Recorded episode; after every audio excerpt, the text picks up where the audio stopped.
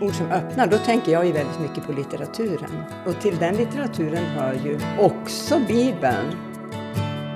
Men liksom med våra ord och deras ord så spinns de här tunna, tunna trådarna som är liksom bärande. Samma saker kan öppna eller stänga utifrån vad vi har med oss in i mötet med de här orden. Hej! Du lyssnar på Angeläget, en samtalspodd från Svenska kyrkan i Umeå Lena Fageus och gäster. Idag är temat Ord som öppnar och stänger världar. Välkommen! I rummet här så finns tillsammans med mig, Lena Fageus, så finns Lisa Tegby. och Lina Gullbrand. Och jag vill börja med att berätta bara varför jag har valt just er två till detta samtal som ska handla om ord och vad orden gör med oss. Eh, Lisa, du är en gammal räv som har liksom undervisat om predikan, predikat sedan du var typ 20 eh, och det är du inte längre utan du, du har hållit på hela ditt liv med orden och så är du en skribent av Guds nåde. Eh, så att det är verkligen, du är en ordkonstnär kan man säga. Och sen eh, Lina som jag lyssnade till när du var ganska ny här i pastoratet när du predikade och jag blev så imponerad av att en sån ung person kan säga så kloka saker. Och så eh, dessutom är du ja, är du teckenspråkig präst nu. Så att du är också, ja men talar med flera, flera språk samtidigt. Mm. Eh, och det där är, jag tänker att det finns mycket som vi kan, vi kan eh, både brottas med varandra i och vi kan eh, ha mycket att säga. Helt enkelt om orden. Orden som öppnar, orden som stänger. Vi får se vart det tar vägen. Välkomna hit. Välkommen du som lyssnar. Vi brukar ju alltid börja med att tända vår lilla närvaro och ljus och det gör jag också nu. Så. Ja, men om vi börjar i den där änden med ord som öppnar och ord som stänger. Um, jag skulle gärna, jag vet inte om ni har några berättelser omkring orden, om ni har någon, någon särskilt eh, tillfälle när ord har berört eller, eller för den delen stängt. När ni är liksom något som ni tänker på så här spontant omkring ord som har gjort något mer. Ja, men det jag tänker på först när du säger ord som öppnar, då tänker jag ju väldigt mycket på litteraturen. Mm. Alltså för mig har ju inte minst Västerbottensförfattarna varit och är väldigt viktiga. Därför att de vänder och vrider på vanliga människors ord. Ja, men Sara Lidman i Missenträsk till exempel. Och Torgny och P.O. Men de, de befinner sig i, i väldigt vardagliga situationer men det blir en väldigt tyngd i eh, deras ord. Därför att de, ja, de kan hitta så koncentrerade uttryck av eh, vardagsspråk som är så innehållsrika. Men sen finns det många andra författare också som, ja men Astrid Lindgren är ju otrolig med sina ord som ju är av en annan typ. De är småländska och de handlar mycket om barn och så. Ehm, men alltså litteraturen för mig är det som har hjälpt mig med orden och till den litteraturen hör ju också Bibeln.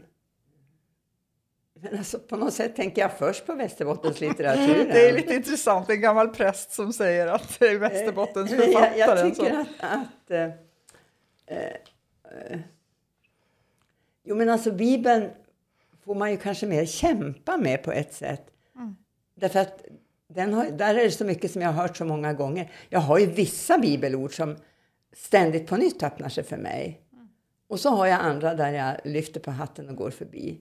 Och så har jag ytterligare andra där jag blir så himla glad för nya översättningar. Att läsa på engelska eller att lyssna till en text läst på teckenspråk eller att läsa den här nya översättningen The Message som är väldigt enkel och banal som har kommit nu. Liksom, ja. Men jag tycker att det finns någonting...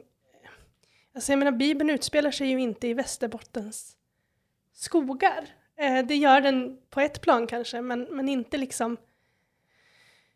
Inte kanske på det första planet. Och, och jag tycker att det finns någonting väldigt befriande och, och genuint i det här med att det finns i litteraturen och i berättelserna framför allt så finns det så många olika vägar in som leder oss på liksom framåt i livet. Och jag tror att just berättelserna, eh, för jag, jag kommer från en sekulär bakgrund eh, och haft många diskussioner om just Bibeln. Och hur kan du? Och hur och vad det här? Och det som står här, det här ordet, hur kan du stå för det?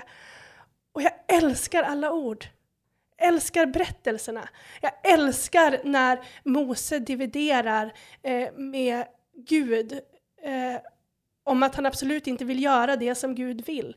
Jag älskar om när Jesus skäller ut ett fikonträd. Det finns så mycket i berättelserna som jag älskar. Och det finns så många fler berättelser än de i Bibeln som jag älskar. Um, men på något vis så är alla de delar av mig, eh, av min vardag och av liksom den stora helheten. Um, för mig så vet jag inte om jag hade blivit präst om det inte hade varit för eh, Marianne Fredrikssons Evas bok. Eh, som ju eh, verkligen inte liksom följer någon, någon bokstavstroende eh, liksom skapelseberättelse så.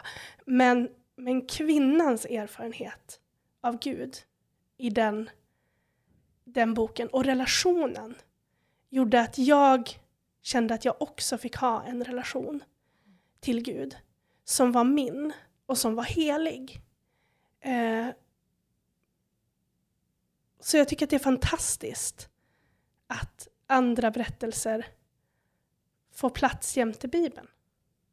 Ja, intressant att ni, prat, att ni bara benämner just berättelsen som så avgörande eller så viktig. Jo, men därför att berättelser kan man gå in i. Mm. Men jag, Ove Wikström skrev ju sin doktorsavhandling, det var i religionspsykologi, och intervjuade människor i norra Västerbotten om deras förhållande till Bibeln. Och han har många exempel där när människor, gamla människor säger ja, då känt de mig som en Petrus. Eller he vart som förra Marta. Alltså det där med att man kan känna igen sig i de bibliska berättelserna. Och människorna som finns i Bibeln är ju sådana med fel och brister. Allihopa. Så att... Eh, ja, men de gamla Skellefteborna som kände sig som Petrus eller Marta eller Judas eller någon annan. Ja, men sådana är vi ju. Vi är dubbeltydiga.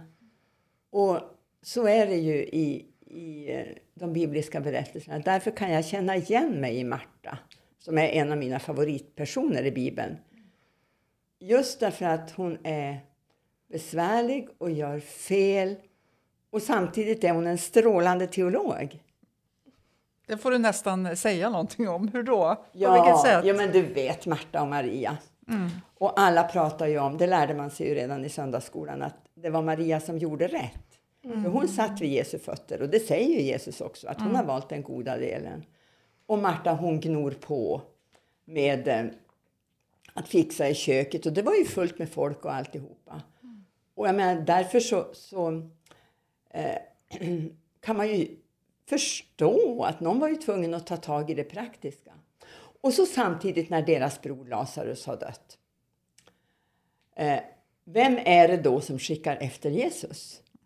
Ja, det är Marta medan Maria sitter och gråter.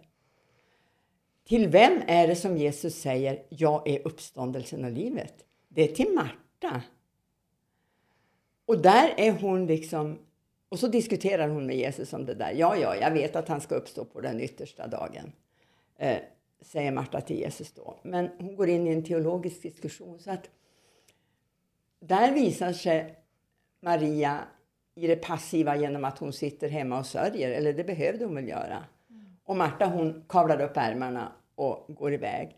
Och när eh, Jesus och Marta diskuterar, då, då säger Marta också, hon är väldigt praktisk även då, hon säger Herre, han luktar ju redan.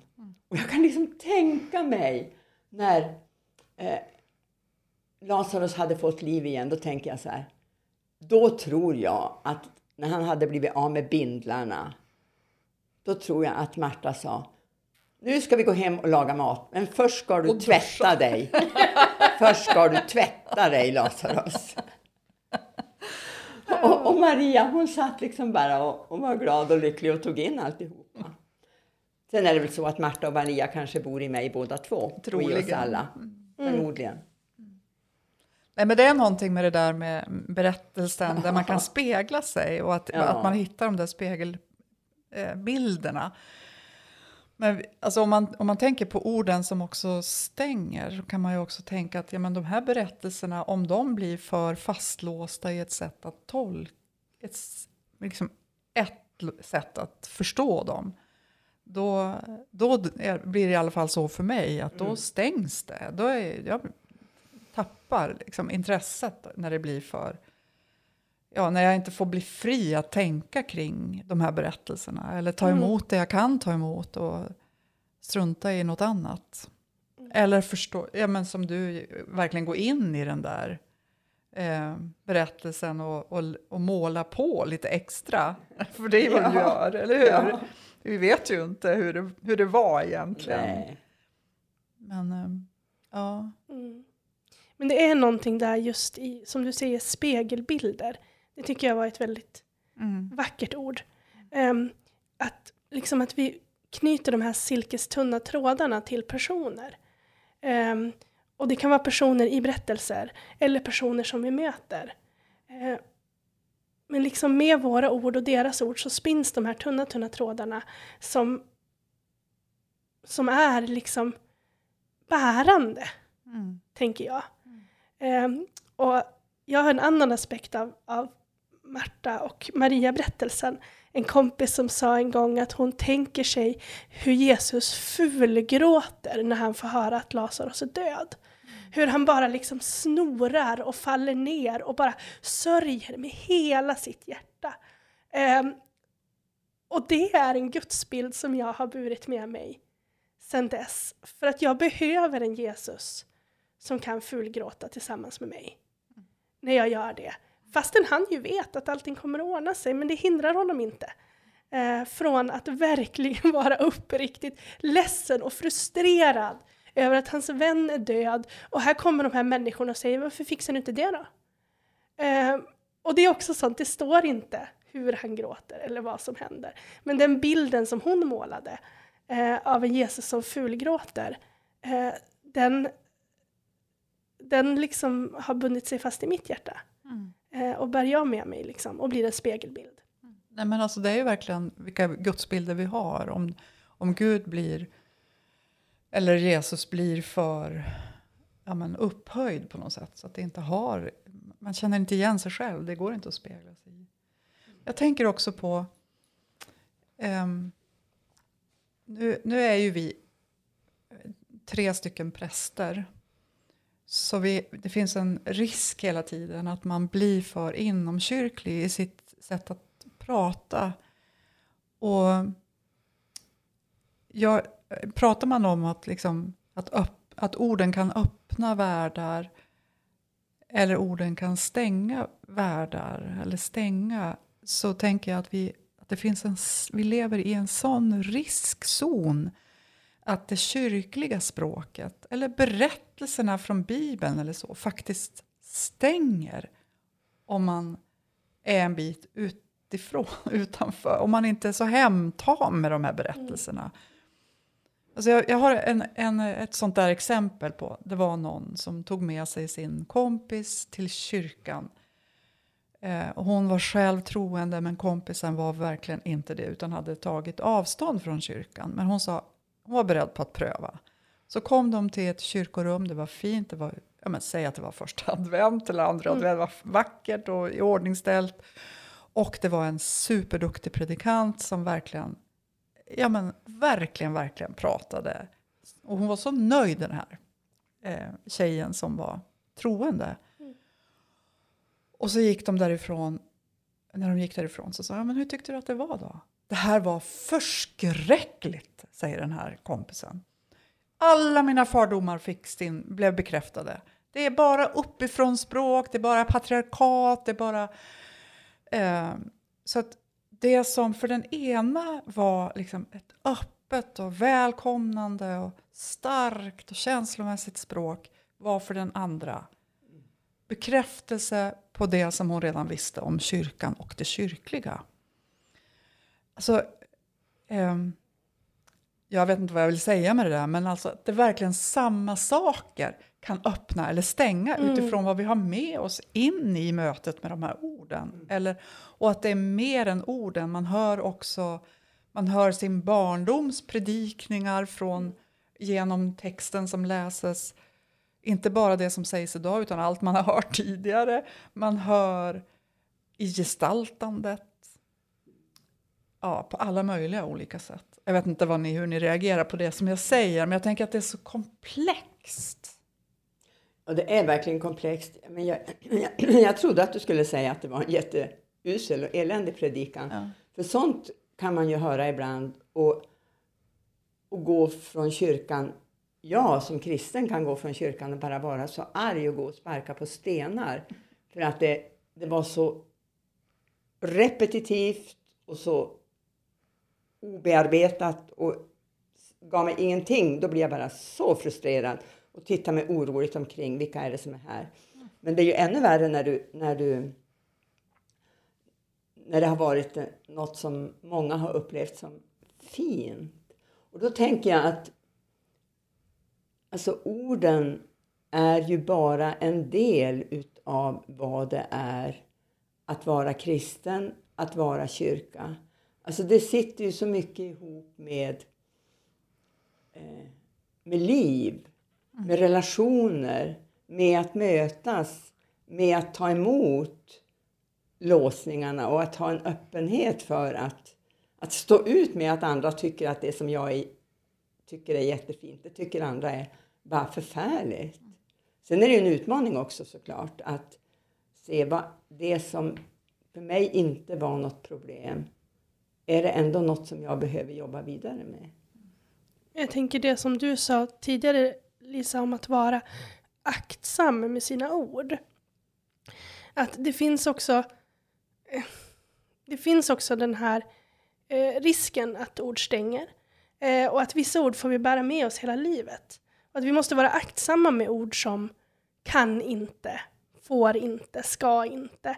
Eh, samtidigt som vi inte får vara rädda för att, att säga det eh, som behöver sägas.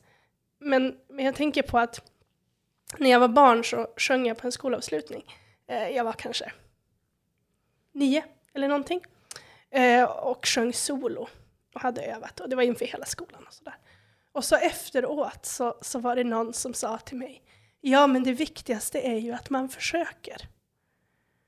Och det var ju fint. Det var ju någon som försökte vara snäll. Men jag sjöng aldrig igen. Eh, och har inte gjort det sen den dagen. Eh, och det var inte fel. Orden i sig var inte fula. Och de var sagda med välmening. Men jag har burit dem sen den dagen. Eh, och, och, precis som du säger Lisa, vi kan inte heller... Det är så med ord. Eh, vi måste kunna säga saker och ibland så, så hör den ena en vacker predikan och den andra hör ord från ovan om patriarkatet. Och så är det. Eh, men vi måste också vara aktsam och veta vilken makt som ligger i orden. Eh, också veta vad orden gör med oss, tänker jag. Nej, men det är intressant det där med att vi kan, vi kan ta ansvar. Vi kan ju egentligen inte ta ansvar för hur orden uppfattas. Vi kan bara ta ansvar för det jag säger mm. och min intention. Och så göra det så tydligt som möjligt vad det är som jag menar. Mm. Men sen vet jag inte vad som händer i den andra. Så det är verkligen Nej, man kanske skulle vara tyst, säger man i en podd. Hur ska det vara möjligt att ta ansvar för, för vad det blir? Liksom? Men nu skulle jag vilja vrida det här lite eh, åt teckenspråk. Mm. När du, alltså, finns det någonting, när du började lära dig teckenspråk, Lina, Mm. det, finns det någonting i det här med liksom, tydligheten eller ehm, ja, som, som eh, vad ska jag säga, som blev tydligare för dig eller som har bidragit? Alltså vad, vad har det där teckenspråkiga betytt för dig i ditt användande av orden? Ja, alltså jag älskar språk. Det har jag alltid gjort. Ehm, och jag, jag talar och behärskar flera stycken. Eh, men teckenspråk är det som jag älskar allra, allra mest. Av alla mina språk. Ehm, och det är för att det finns en närvaro i teckenspråket. Eh, jag använder min kropp eh, för att berätta någonting. Och jag gör det med, med inlevelse. Om jag säger att jag är arg på teckenspråk kan jag inte se glad ut samtidigt. För det, det går liksom inte. Det blir felspråkligt. Utan om jag är arg så måste jag vara arg. Eh, och på så vis är jag i berättelsen. Men om jag säger på svenska till er att ja, jag blev så arg i morse. Så låter jag inte alls arg. Eh, och ett exempel som, som är för mig på något vis eh, verkligen synliggör det här med, med det fantastiska i teckenspråket. Det är tecknet för ande. Och nu är det här en podd, så ni kan inte se det tecknet. Eh, men det är liksom ett andetag som dras ur kroppen. Ande. Eh, och för mig var det du använder din, din hand för att liksom ta, Dra ut ett ta andetag. ut Ja. and, anden från din mun. från Om munnen du ska och försöka näsan. förklara Liksom. Ja, hur, det, hur det precis. ser ut. Man kan kolla upp det, man kan googla det. Eh, men det som är så fantastiskt med det är att det öppnade för mig en helt ny värld. Just det, ande, andetag. Att ta anden med varje andetag som vi andas. Andas, ande. Helt plötsligt så öppnades en värld för mig i ett ord. Med det här tecknet om vad är det faktiskt för ord som vi säger? Vad betyder det? Ehm, och det händer mig hela tiden med teckenspråket. Att jag får nya dimensioner bara genom att använda ord och tecken. Det är som att, att eh, men även svenskan fördjupas på något sätt. Ja, precis. För att i teckenspråket, i och med att svensk teckenspråk är ju kopplat till svenskan, varje land har sitt eget teckenspråk. Ehm, och det betyder ju att människor har under lång tid funderat på vad betyder det här svenska ordet och hur kan vi gestalta det med våran kropp? Ehm, så därför så blir det en, en annan dimension. Um, jag visade tidigare tecknet för Abraham, att det är liksom en, en hand som fångar upp en annan hand i ett slag. Uh, och att det refererar till när Abraham liksom höjer kniven över Isak eh, och stoppas av Guds hand. Ehm, av rösten som kommer till honom. Eh, och bara i ett sånt enkelt tecken så ligger en hel berättelse. Ehm, och det är, jag som älskar berättelser och älskar språk, kan inte bli annat än lycklig över det här fantastiska språket som teckenspråket är. Eh, men även svenskan. Metaforerna i, i gestaltning på något Ja. sätt. Det är häftigt. Nu så ska vi avrunda den första delen av vårt samtal.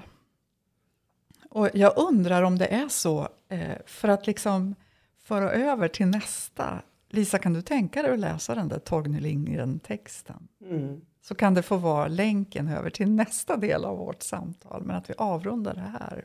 Ja, det här är en text från Merabs skönhet. Orden bära icke bojor, sade han. Orden, dem hava stormvindens kraft. Jo, sade hon. Jag har nog tänkt på det ibland. Att orden kan vara liksom vilda och oregeliga. Så man får ju vara som noga och aktsam vid dem. Orden. Störst orden är värst, sade han. Förgängelsen och evigheten och vilddjuret och nåden och helgelsen och pånyttfödelsen och härliggörelsen och återlösningen och arvsynden. Jo, sade hon, de orden är väldiga. För att icke tala om kärleken, sade han. Jo, sade hon, kärleken. Tack för nu. Du har hört Angeläget, en podd med Lena Fageus och gäster. Podden är producerad av Svenska kyrkan i Umeå. Vill du fortsätta samtalet når du oss på Svenska kyrkan i Umeås Facebook eller via e-post till umia.kommunikation svenskakyrkan.se. Tack för att du lyssnade.